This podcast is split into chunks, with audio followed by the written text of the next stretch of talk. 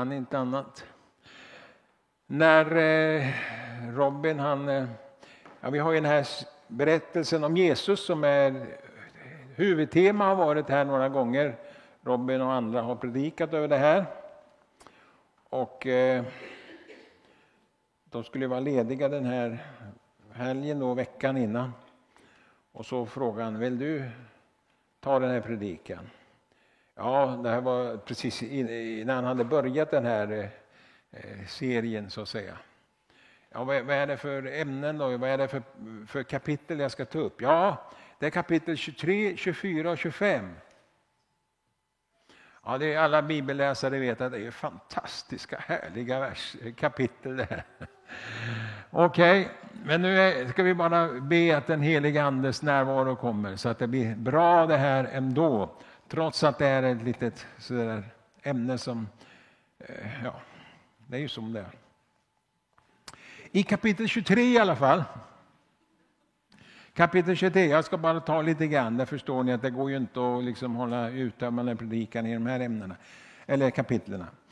Kapitel 23, i det så varnar Jesus för fariseernas och de skriftlärdas levande, hur de levde. Och, och så säger han då i eh, berättelsen om Jesus. Ska vi bara trycka fram den? Jag kanske ska vända på rätt kanske. Går det lättare då? Det kanske gör någonting av det. Så. Eh, så säger Jesus då i vers eh, 3 i det 23 kapitlet. Allt vad de lär er ska ni därför göra och hålla, men efter deras gärningar ska ni inte handla. Ty det talar, men handlar inte. Eh, fantastiskt, vilken uppmuntran det skulle vara när någon säger det om oss. Eh, Linus han nämnde om det här i förra söndagens predikan och sa det här att eh, barnen de tar efter sina föräldrar mer än vad, barn, vad, vad föräldrarna säger. Och så är det ju. Men det här är också väldigt viktigt. Jesus han tar upp det här. Och Det viktigaste för, tydligen som det verkar för fariseerna och de skriftliga, det var att glänsa inför sin omgivning. Alltså de ville att titta på, titta vi är liksom, vi är de bästa i samhället. De satt gärna längst fram och då, de ville vara bäst på något vis. Det skulle glänsa i, i det sammanhanget. Eh, och eh, i jämförelse då med vad Johannes döparen och, och Jesus, hur de handlade. Jesus sa exempelvis om Johannes döparen eh, i Lukas 7, så sa han så här, ja, 7.28. Eh, jag säger er, bland dem som är födda av kvinnor finns det ingen som är större än Johannes. Men så säger han något konstigt, verkar som en paradox. Men den mindre i Guds rike är större än han. Det är ett häftigt uttalande. Och vad menar han med det? Ja, det är många teologer menar, och jag kan nog tycka att det ligger en poäng i det, det är att Jesus han talar om sig själv här. Därför att Jesus han gick längst ner i himmelrikets rang, om man får säga. Han föddes där i stallet. Han gick längst ner. Och på grund av att han gick längst ner så är han den högste i hela universum. Där har du en poäng i det här. Och troligtvis var det det som Jesus menade. Johannes han sa ju så här om, om eh, sig själv och Jesus att han, Jesus, måste bli större och jag mindre. Men i den här texten i Matteus 23 så ser vi hur Jesus var bedrövad över den attityd som rådde bland fariseerna och de skriftlärde. Och han uttalade sen efter det, som vi inte ska läsa, men där kan du läsa själv om du vill, verop över både farisén och skriftlärde. Ve är ni som vill sitta främst, ve är ni som gör det, och så vidare. Alltså vi har en lärdom att ta efter, inte ta efter dem, men att lyssna av vad Jesus ville säga i det här sammanhanget. Nu går vi in i, kapitel 24. Det gick väl snabbt att avverka kapitel 23, va? Nu går vi in i kapitel 24. Eh, och det handlar så, alltså mycket om eskatologin som man brukar säga, alltså det som handlar om den sista tiden och Jesu återkomst. Och det här tycker jag är ett svårt ämne, men väl så viktigt. Och det är, är det någon gång som det här ämnet är viktigt så är det i vår tid. För jag tror att Jesus kommer snart. Jag vill verkligen understryka, jag tror på det. Och därför är det viktigt att, att, att se vad Bibeln säger om det här. Men det är svårt därför att det finns både diken och fallgropar som många har fastnat i när man undervisar om Jesu andra tillkommelse. Och det, det är därför det blir svårt. Jag har själv mött det så många gånger. Och inte minst i min ungdom, då var det ännu tydligare i det sammanhanget. Eh, apropå Israel, så, eh, eftersom jag är en gammal man, så 67 minns jag mycket, mycket väl sexdagarskriget 67 när Israel fick Jerusalem. Och då tänkte ju vi många, nu kommer Jesus där som helst. Och jag var helt hundra på, jag kommer aldrig hinna gifta mig. Aldrig, därför att Jesus kommer snart. Och det var många, kan jag våga säga, som blev frälsta och lämnade sig åt Gud. Därför att de tänkte, jag måste vara redo när Jesus kommer. Så var det på den tiden verkligen. Jag bara vill säga att det, det här är fakta. Då, vid det här tillfället. Så Israel är ju viktigt i, i det sammanhanget att ha med. Men jag sa att det finns många fallgropar. Jag ska bara nämna några sådana här diken eller fallgropar som kan finnas när det gäller undervisningen om Jesu andra tillkommelse. Och ett, en sån här fallgrop, om man så vill, eller dike, det är att man slätar över budskapet om att Jesus ska komma tillbaka för att hämta hem sin församling som något mindre viktigt. Det är ett, en brist. Man tycker nej men det där är så svårt. Vi tar inte upp, vi tar bara upp andra saker. Vi, vi, vi lämnar det här. Jag menar, är det någon gång, höll jag på att säga, nu bör vi läsa Bibeln och se och, och, förstå att Jesus kommer snart tillbaka. Det är en sak. Det andra, eh, en annan sån här fallgrop, det är att man använder budskapet om Jesu återkomst för att skrämma människor att ta emot frälsningen i Jesus. Och även om det inte var direkt uttalat så var det så man gjorde när jag var ung i många sammanhang. Man var livrädd. Och jag kan bara säga, bjuda på det. Det var inte bara en gång man gick och tittade, eller på att säga, smög in och tittade. Är mamma och pappa kvar?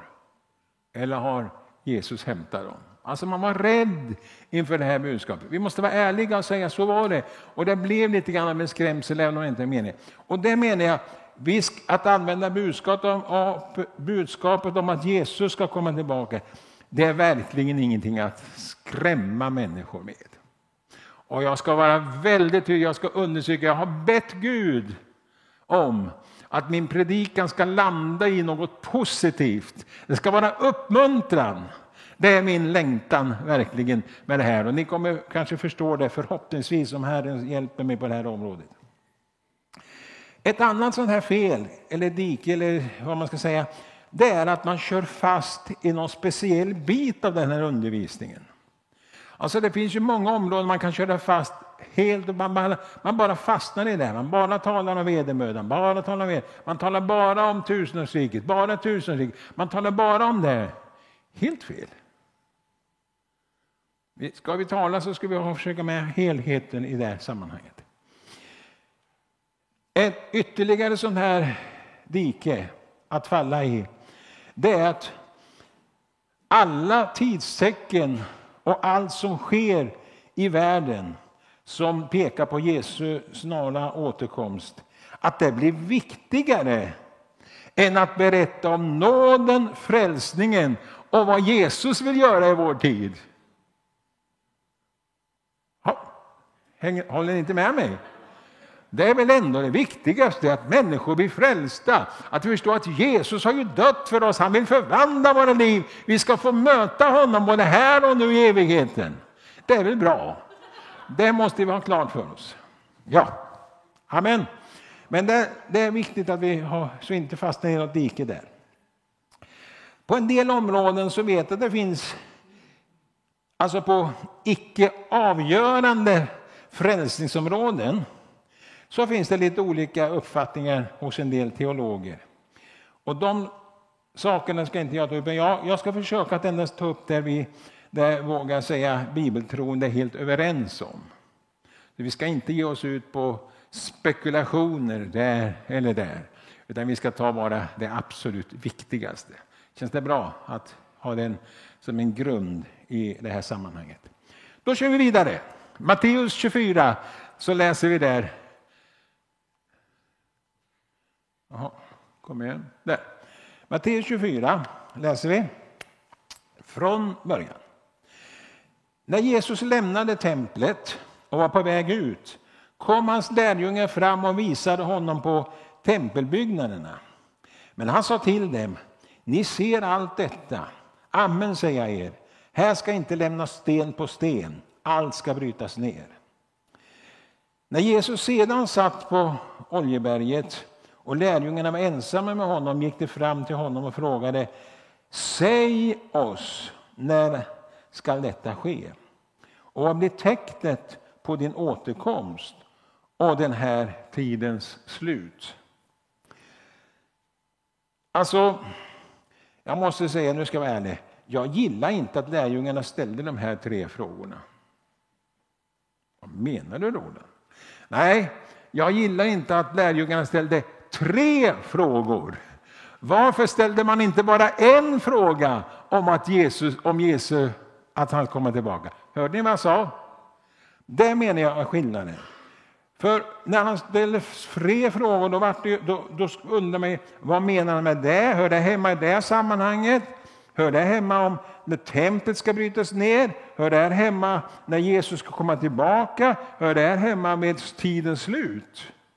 Alltså det är tre viktiga områden. Och tänk om man bara hade ställt fråga om en enda sak. Då visste vi att det är det här det handlar om. Så tänker jag. Men tack och lov att de ställde frågorna, man säger att han ändå frågade här på något sätt.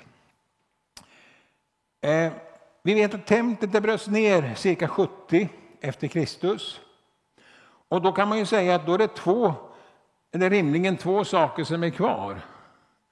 Och det är att Jesus ska komma tillbaka och det är tidens slut. Eftersom templet redan är nedbrutet i det här sammanhanget. Bibeln talar väldigt mycket om Jesu återkomst. Väldigt mycket. Ja, det sägs ibland att det är 310 gånger, jag hör 400, jag vet att det är 400 gånger i Bibeln som det talar om att Jesus ska komma tillbaka. Det är i alla fall väldigt mycket som talas om det. Vi ska ta ett exempel från Apostlagärningarna 1. Står det så här. Eh, bara som om exempel på Jesu återkomst. Och det var ju när Jesus, innan han for upp till himlen, då han hade sagt detta såg, såg de hur han lyftes upp och ett moln tog Jesus ur deras åsyn. Men de såg hur him medan de såg mot himlen dit han for upp, se, då stod två män i vita kläder hos dem och de sa ni män från Galileen, varför står ni och ser mot himlen? Denne Jesus som har blivit upptagen från er till himlen, han skall komma igen på samma sätt som ni har sett honom fara upp till himlen.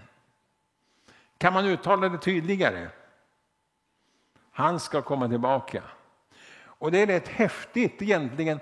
Man har hört från flera håll, så jag utgår från att det är sant att det finns stora eh, tv-bolag som har sina sina, eh, har ständigt eh, kameran riktad mot Oljeberget för man inte ska missa om, om Messias kommer så vill man verkligen vara först med den här nyheten.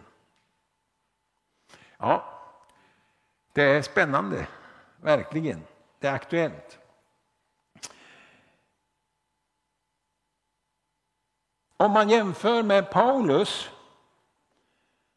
eh, när det gäller med hur viktigt det här ämnet är så talar eh, Paulus om dopet 13 gånger i sina brev. Han talar om nattvarden två gånger. Och då är frågan hur mycket talar om att Jesus ska komma tillbaka? Jo, det talar han om 50 gånger. Det är alltså lite skillnad på det här. Man förstår hur Paulus tyckte att det här är ett viktigt område som jag verkligen måste lyfta i mina brev. Och Petrus, aposteln Petrus, han skriver så här i det här sammanhanget för att förstå att det här är ett viktigt område. Andra Petrus 1 och 16. Det var inte några utstuderade myter vi följde när vi förkunnade för er vår Herre Jesu Kristi makt och hans ankomst.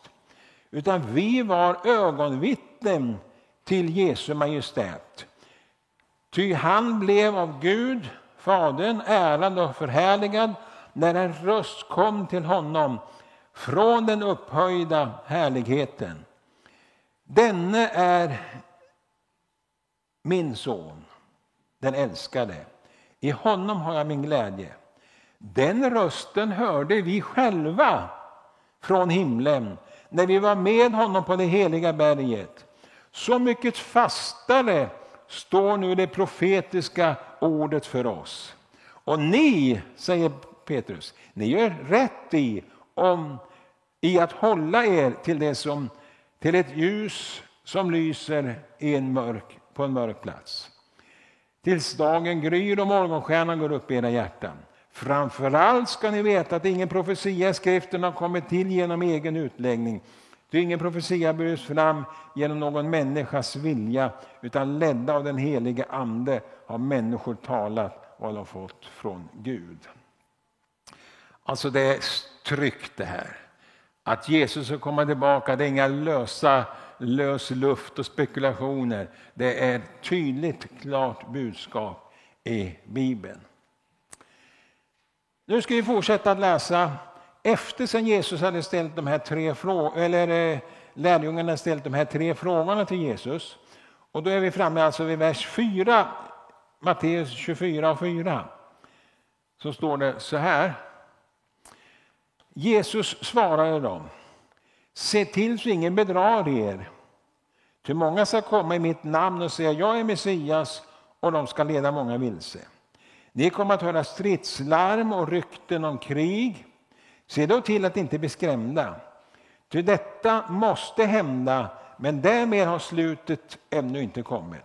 Folk ska resa sig upp mot folk och rike mot rike och det ska bli hungersnöd och jordbävningar på den ena platsen efter den andra. Men allt detta är bara början av födslovåndorna. Någon kommentar bara här. Man känner ju igen det här i vår tid. Folk ska resa sig mot folk och rike mot ring, rike. Det är hungersnöd över hela världen nästan. Utom en liten klick som har det bra. Däribland vi. Det är jordbävningar. Nu var det en ytterligare ny jordbävning för de här stackars drabbarna, drabbade i, i, i eh, Afghanistan. Eh, tredje jordbävningen på en vecka eller en och en halv, och sånt där, bara där. Eh, nu är det viktigt att vi inte börjar på ut i de här spekulationerna, för jag har läst, kolla för säkerhets skull när jag förberedde den här predikan, eh, sker det fler jordbävningar nu än förr? Och då säger man att över tid så sker det ännu inte fler jordbävningar. Men det är mer tättbefolkat. Det drabbar värre på ett sätt. Om man då har dåliga hus, men det är en annan sak. Alltså, det är en sak. Men nu kommer de här viktiga sakerna. Se till att ni inte blir skrämda. Wow! Alltså Jesus säger, ni ska inte bli skrämda av de här sakerna. Det vill inte jag, säger Herren. Och, men också se till att ni inte blir bedragna. Och det kommer igen eh, lite längre fram där, att och många falska profeter ska vara. Han säger vidare, om vi läser, när vi läser bara vidare, jag, jag bara rycker lite grann här och inte läser till. Så säger Jesus också att ni ska bli hatade för Jesus skull. Och på ett sätt är det rätt skönt att Jesus säger, det är inget konstigt på så vis. Man måste inte vara älskad för att man älskar Jesus. Man måste inte vara älskad av sin omgivning. Utan det är, det är vi gott sällskap, jag på säga, om människor retar oss och tycker att, att vi är konstiga på något vis. Men vi älskar Jesus. Vi har en fast grund att stå på. Laglösheten ska tillta. Kärleken kommer att svalna hos de flesta. Men de som håller ut intill slutet ska bli frälsta. Och det här evangeliet ska bli predikat i hela världen till ett vittnesbörd för alla folk och sedan ska slutet komma. Och det är en mycket intressant sak i alla fall som sker i vår tid, som ett tidstecken, det kan man väl säga. Hur evangeliet har predikats ut över världen på många, många sätt. Inte minst genom IBRA och alla andra organisationer som sprider evangelium ut över världen till varje folkgrupp. Man har, man har som målgrupp att varje språkgrupp ska ha Bibeln på sitt eget språk. I alla fall, eh, inte hela Bibeln, men Nya Testamentet i alla fall. Och Det är rätt intressant att det sker precis så som Jesus talade om. Nu hoppar vi fram till vers 30. Vi läser den här långa texten här. Då skall Människosonens tecken synas på himlen och jordens alla folk ska jämra sig när de ser Människosonen komma på himlens moln med stor makt och härlighet. Med starkt basunljud ska han sända ut sina änglar och de ska samla hans utvalda från de fyra väderstrecken, från himmelens ena ända till den andra. Lär av en jämförelse med fikonträdet. Redan när kvisten blir mjuk och bladen spricker ut vet vi att sommaren är nära. När ni ser allt detta vet ni på samma sätt att han är nära står vid dörren. Himmelen, eh, amen säger jag er, detta släkte ska inte dö förrän allt detta händer. Himmel och jord skall förgå, men mina ord skall aldrig förgå. Men om den dagen och, eller stunden vet ingen något, inte änglarna, inte ens sonen, ingen utom fadern. Två kommentarer bara i den här texten. Fikonträdet är ju allmänt tänkt av teologer att det handlar om Israel. Och det sades ju väldigt tydligt på något vis när jag då på 67 att, att fikonträdet, nu har det skett. Och därför kommer Jesus snart tillbaka och så vidare. Men det är rätt intressant, han kan säga att, att eh, eh, ingen vet om den här stunden att sonen inte visste det. Vad menas med det? Ja, det, här, nu ska jag säga min, det här är i alla fall min 100% uppfattning. Jag tror att Jesus visste det inte då, därför att han var underställd som människa. Och som människa i det sammanhanget så visste han bara det Fadern uppenbarade för honom. Och det står, det står ju så mycket tydligt om vi läser Johannes evangeliet. Och det här hade inte Fadern uppenbarat för honom om stunden. Därför säger han, jag vet inte det här. kunde han frimodigt säga. Men självklart nu, Fader, Son och helig Ande ett. Jesus vet precis lika mycket som Fadern, som Sonen eller som den helige Ande. Är vi överens om det? Det är i alla fall min hundraprocentiga uppfattning att han vet nu. Men det var då, när han var underställd som en människa, då hade inte Fadern uppenbarat det här för honom. En annan sak som då han fortsätter med, det är att livet kommer att rulla på som vanligt när Jesus kommer tillbaka. Alltså man tar inte tänker, ah, det där med Jesu andra tillkommelse, det är ingenting. Det bara, det bara rullar på. Och därför säger Jesus från vers 37 följande. Ty som det var i Noas dagar, så skall det vara vid Människosonens återkomst. Som människorna levde dagarna före floden, de åt och drack, gifte sig och blev bortgifta ända till den dag då Noa gick in i arken. De visste ingenting förrän floden kom och ryckte bort dem alla. Så skall Människosonens ankomst vara, skulle jag vilja tillägga, för många. Tror jag. Tyvärr. Därför man är likgiltig inför det här budskapet. Men det ska inte vi vara. Vi ska ta det här som något positivt budskap. Bibeln talar alltså om ett uppryckande och att det som tillhör honom, eh, de ska ryckas upp.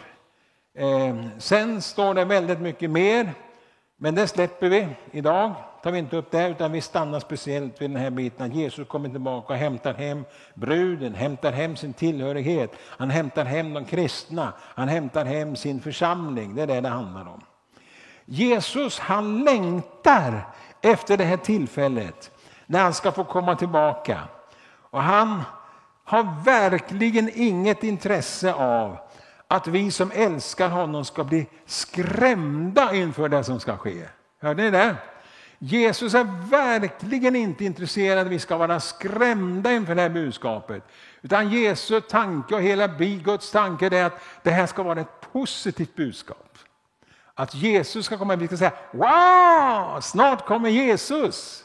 Alltså något positivt budskap. Och jag vill trycka på det verkligen. Det är vad han har sagt.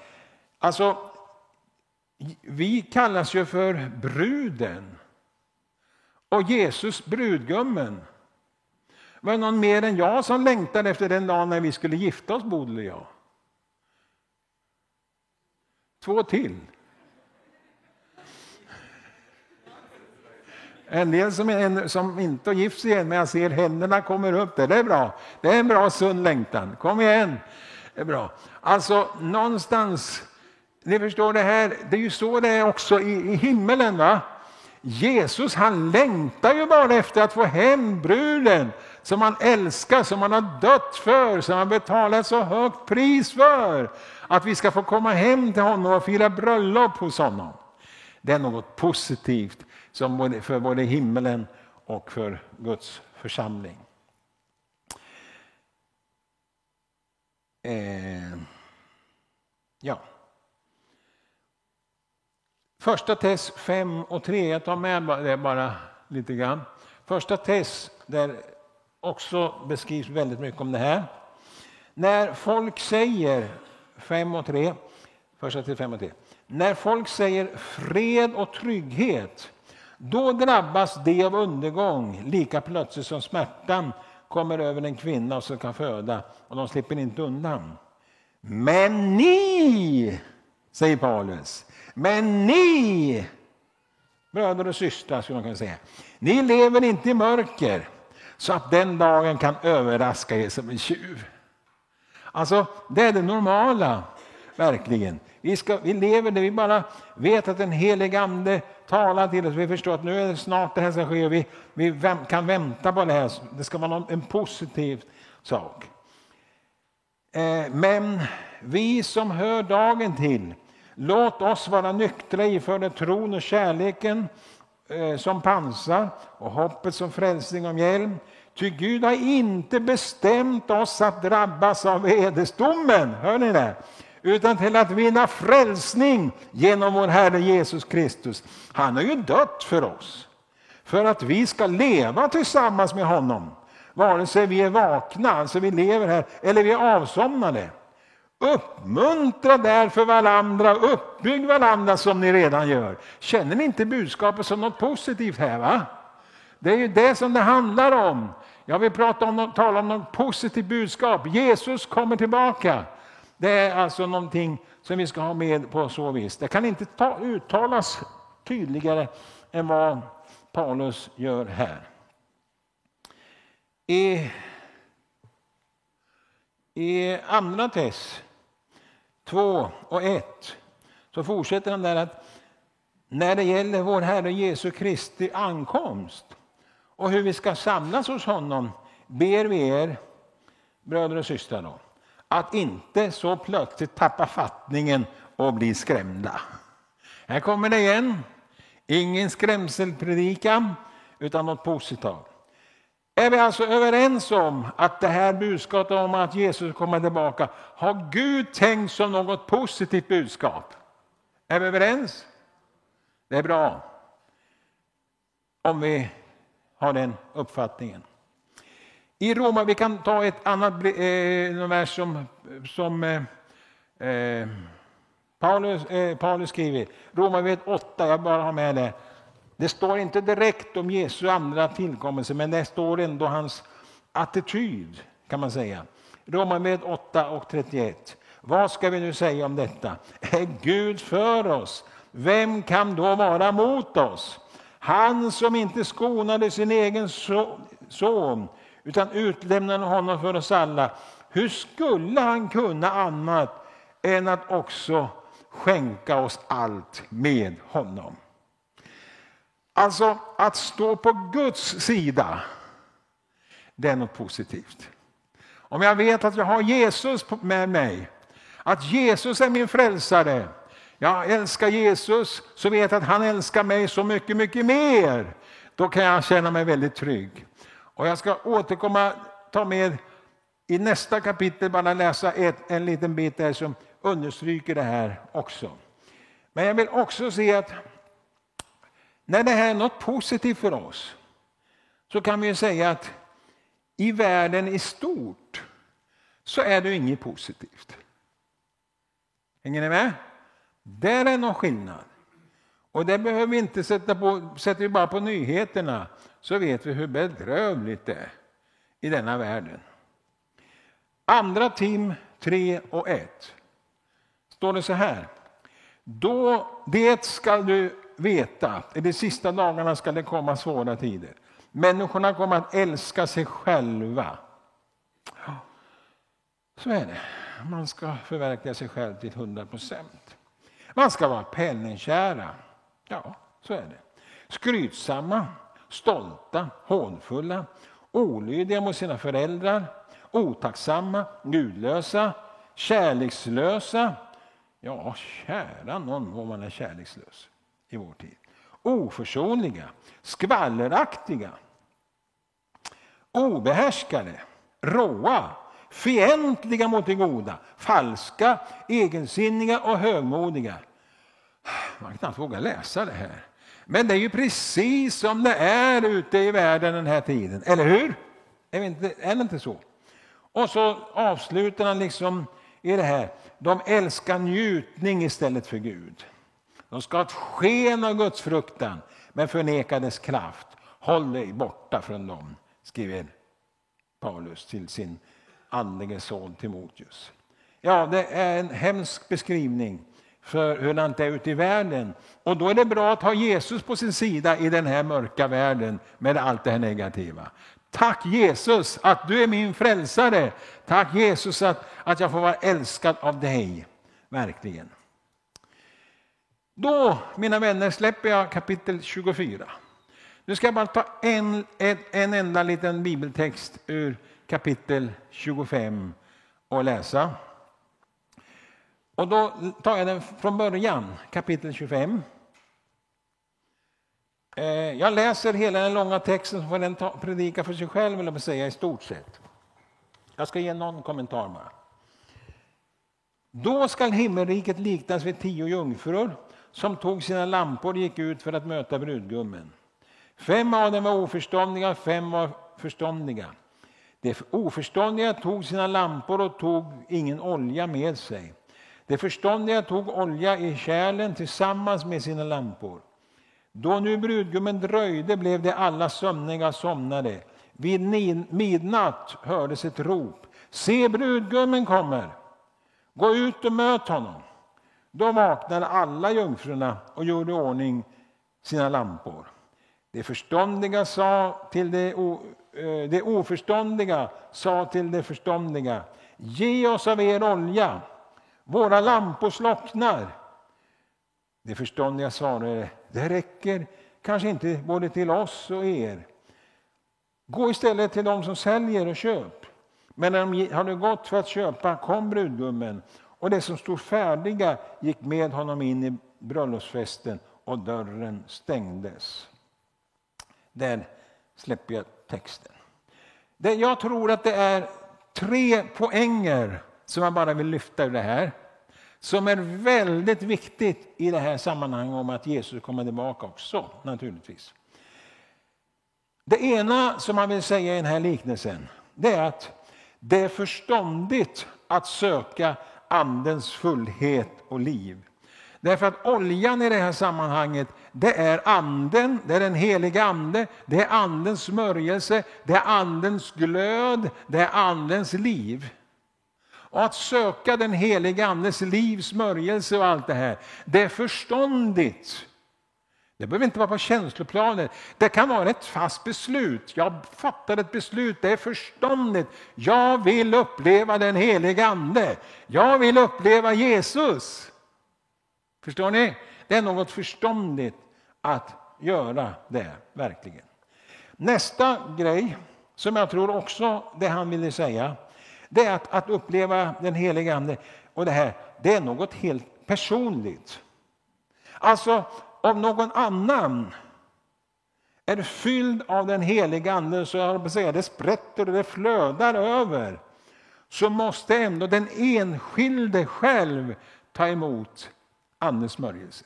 Om jag är gift med någon som är hur andesmord som helst, om mina föräldrar är hur andesmorda som helst, om mina barn är helt, hur mycket har de den helige Ande som helst, så är det ändå jag personligen som måste möta Jesus och bli fylld av den helige Ande. Förstår ni? Det är där det säger, bland annat som Jesus säger, det räcker inte till både dem och till er och oss.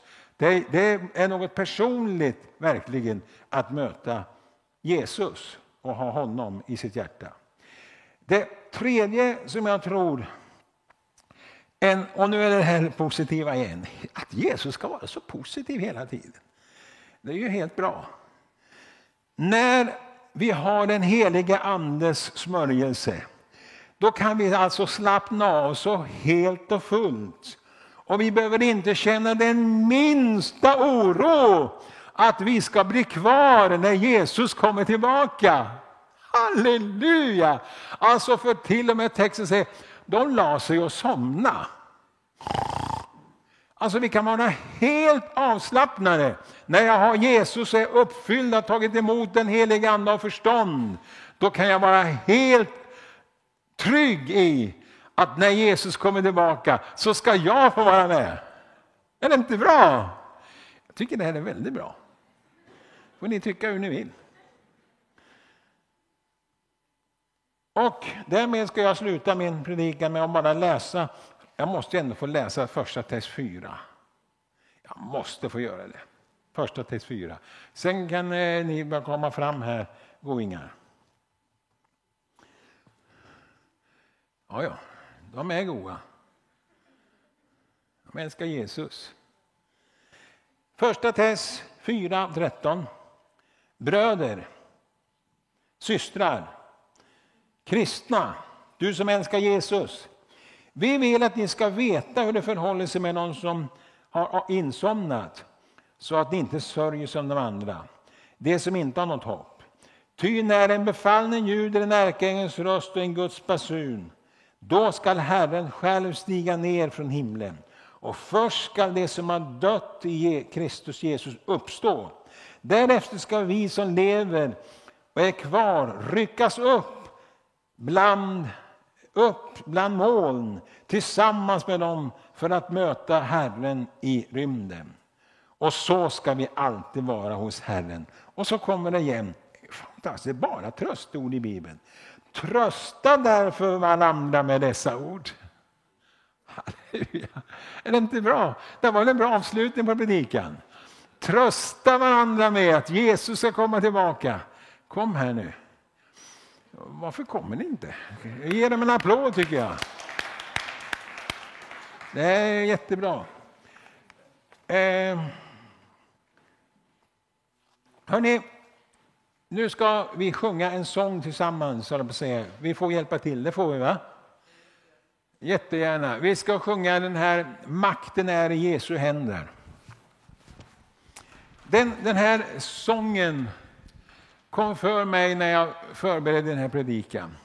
Och jag ringde till den gode, eller skickade eh, brev, tror jag, eh, vad heter det? Inte, sms till, till Sofia. Att eh, jag har en önskan om att vi ska ha den här sången efter min predikan.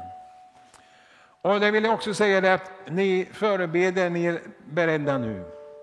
För du som vill ha förbön, om du ändå är med, du kanske på något sätt tänker, är jag frälst? Ja, om du inte är det, då ska du bli det idag. Du kanske funderar på, är jag fylld av den helige Ande? Ja, hur den är med det, det är förebedjare som jätte, jättegärna vill be för dig. Och du ska inte gå härifrån på orolig på något sätt. För du ska vara glad inför det här budskapet, känna total trygghet om att, att jag ska få vara med när Jesus kommer tillbaka. Och den här texten, det är bland annat så här, lyssna på en av verserna. Frukta ej du Guds församling. Herrens ande bor i dig. Du ska övervinna. Halleluja. Alltså, vi har fått den helige ande. Vi har fått hjälparen. Och vi behöver inte frukta, därför att Jesus har vunnit seger. Jesus han har makten. Och vi står upp och sjunger det här. Och du som vill ha förbön, gå gärna till någon av förebedjarna. Gud välsigne dig nu, så klämmer vi den här sången.